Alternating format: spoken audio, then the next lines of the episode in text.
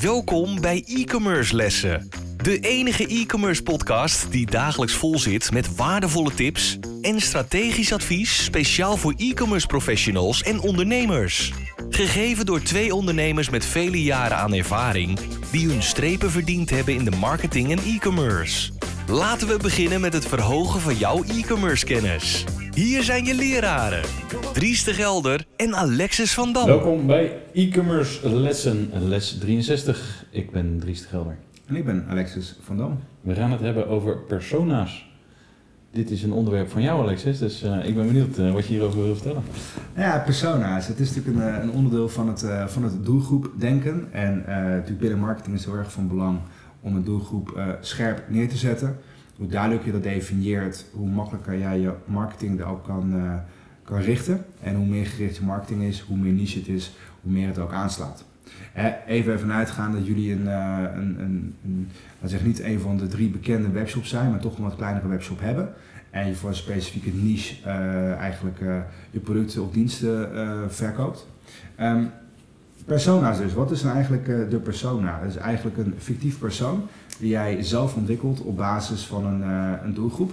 En je probeert daar wat meer homogene karakters in, in te krijgen. Nou, homogeen wil dus zeggen een groep met vergelijkbare mensen. Denk dus bijvoorbeeld even aan demografische kenmerken zoals leeftijd, hè, bijvoorbeeld mensen tussen de 30 en de 45, man en of vrouw. Uh, wonend misschien in dorp of wonend misschien in de binnenstad, meer urban-achtig.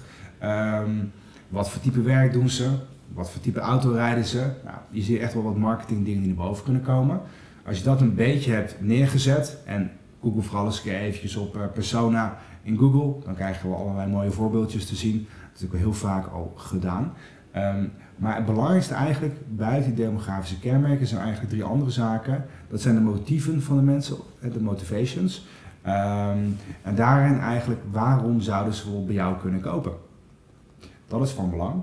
Daarnaast ook de doelen. Welke doelen streven die mensen na? Misschien streven zij uh, financiële vrijheid na, uh, een goed ingericht huis, uh, twee keer per jaar vakantie. Dus denk eens echt even na. Verplaats jezelf eens even echt in de doelgroep die jouw product of dienst zou kunnen gaan kopen. En natuurlijk heel belangrijk, als marketing- salespersoon, frustraties en pijn. Um, super belangrijk om daarover na te denken. Want als mensen geen pijn voelen of geen frustraties hebben, is er geen urgentie om iets op te lossen. En dat klinkt nu heel simpel. Ehm, maar uiteindelijk, als iets geen pijn doet, is er geen actie nodig. Is er geen actie nodig, waarom zouden ze gaan zoeken? Waarom zouden ze bij jou uitkomen? Dat is iets waar je echt even goed over na moet gaan denken. En um, ook misschien eens moet gaan uitvragen aan je bestaande klanten. Waarom kom je bij mij terecht? Waarom mijn product? Nou, en dat, als je dat dan een beetje omschrijft, uh, als laatste kan je nog kijken naar de kanaal. Welke type kanalen, mediakeuzes gebruiken mensen? En op basis daarvan heb je eigenlijk dan één of meerdere personen ontwikkeld. En dat is het eigenlijk een hele goede basis om jouw marketing uh, op los te laten. Ah, gaaf. Uh, ik kan me nog herinneren in de tijd van Hem Online dat wij hier heel veel lol aan hebben gehad. Omdat we hadden zeg maar bij Hem Online, ondertussen gooit Alexis even zijn laptop van tafel. Ehm, maar bij Hem Online hadden wij zeg maar drie verschillende doelgroepen. Eén was zeg maar de doelgroep die altijd op de aanbiedingen naar op zoek was. Twee was de doelgroep die de laatste mode kocht. En drie was, de derde doelgroep was zeg maar de doelgroep die zeg maar gewoon kochten als ze iets nodig hadden. Daar hadden wij onze, onze doelgroepen in verdeeld. Het waren allemaal mannen omdat wij alleen maar heren over hem uh, verkochten.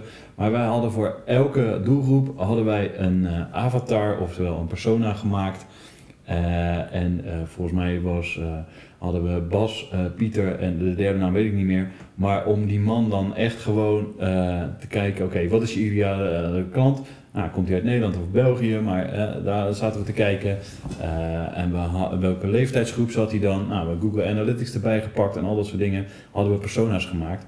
En op een gegeven moment, dus als we nieuwsbrieven gingen versturen, dan gingen, hé, hey, hoe zou Bas hierop reageren? Of wat zou Bas graag willen in wat zou Bas graag in zijn mailbox willen krijgen? Wat zou Pieter graag in zijn mailbox willen krijgen? En door op die manier uh, je persona's op te stellen. En ben je met een hele leuke manier bezig. En dan ga je ook een beetje je verplaatsen in de gedachten van je klant. En als je dat kan doen, en als je dat zo goed mogelijk kan doen, ja, dan zullen je resultaten en je marketinguitingen veel beter tot z'n recht komen. Dus uh, ik zeg, uh, ja, begin ermee met avatars. Ten eerste kan je er heel veel lol aan bereiken, want hoe zou Pietertje denken? Nou zeker, dat is eigenlijk ook het leuke. Hè? Als marketeer moet je je echt gaan verplaatsen in jouw doelgroep. En maak het ook van een leuke sessie. Hè? Misschien met collega's. Ga eens even kijken hoe ziet Pieter dan uit. Probeer een leuke stokfoto erbij te zetten. Maak het ook leuk, visueel attractief. Dat inspireert ook jouzelf en de mensen die je marketing doen uh, voor jou. Als je misschien marketing outsourced aan een, uh, aan een derde partij, kunnen ze ook naar die persoon eens kijken en daarvan leren. Um, Ik zei even Google daarnet, uh, daarnet zei ik Google eventjes online. Die kan natuurlijk ook bijvoorbeeld een tooltje pakken zoals, zoals een Miro. Nou, die heeft eigenlijk allerlei templates al voor, uh, voorgemaakt voor jou. Dan kun je gewoon zeggen, nou geef mij maar een template voor een persona. Dan kan je gewoon lekker gaan invullen. Je kan ook zelf lekker creatief aan de slag gaan in een Canva of andere tool van keuze. Um, maar het, is, het maakt het ook leuk. Het is echt ik denk het feit dat je gaat nadenken, je gaat verplaatsen, het visueel attractief gaat maken, dat inspireert jezelf en anderen. En daarmee ook uh, je marketing wordt daardoor veel meer ook gericht. En dat is altijd uh, over het algemeen een, recept voor meer succes. Ah, wat ook gelijk uh, ideaal is, is dat je dan ook gelijk kan denken, oké, okay, Pietertje bevindt zich meer op LinkedIn en Henkie bevindt zich meer op, op Instagram en die meer op Facebook. Dan kan je dus ook veel gerichter je campagnes kan je gaan uh, bepalen hoe je de content gaat zetten op Facebook of waarom die dan anders is op Instagram dan op uh, LinkedIn.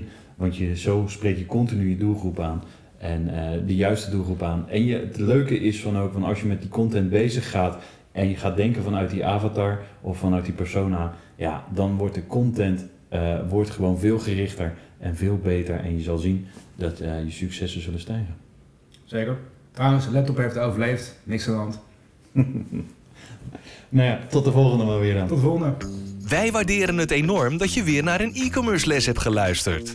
Ga naar e-commercelessen.com voor nog meer interessante content over deze les. En schrijf je in voor onze nieuwsbrief voor nog meer succes. Vergeet absoluut geen review te schrijven en je te abonneren op onze lessen. Einde les! E-commerce studenten, jullie kunnen de klas verlaten en vergeet de volgende lessen niet voor nog meer geweldige e-commerce resultaten.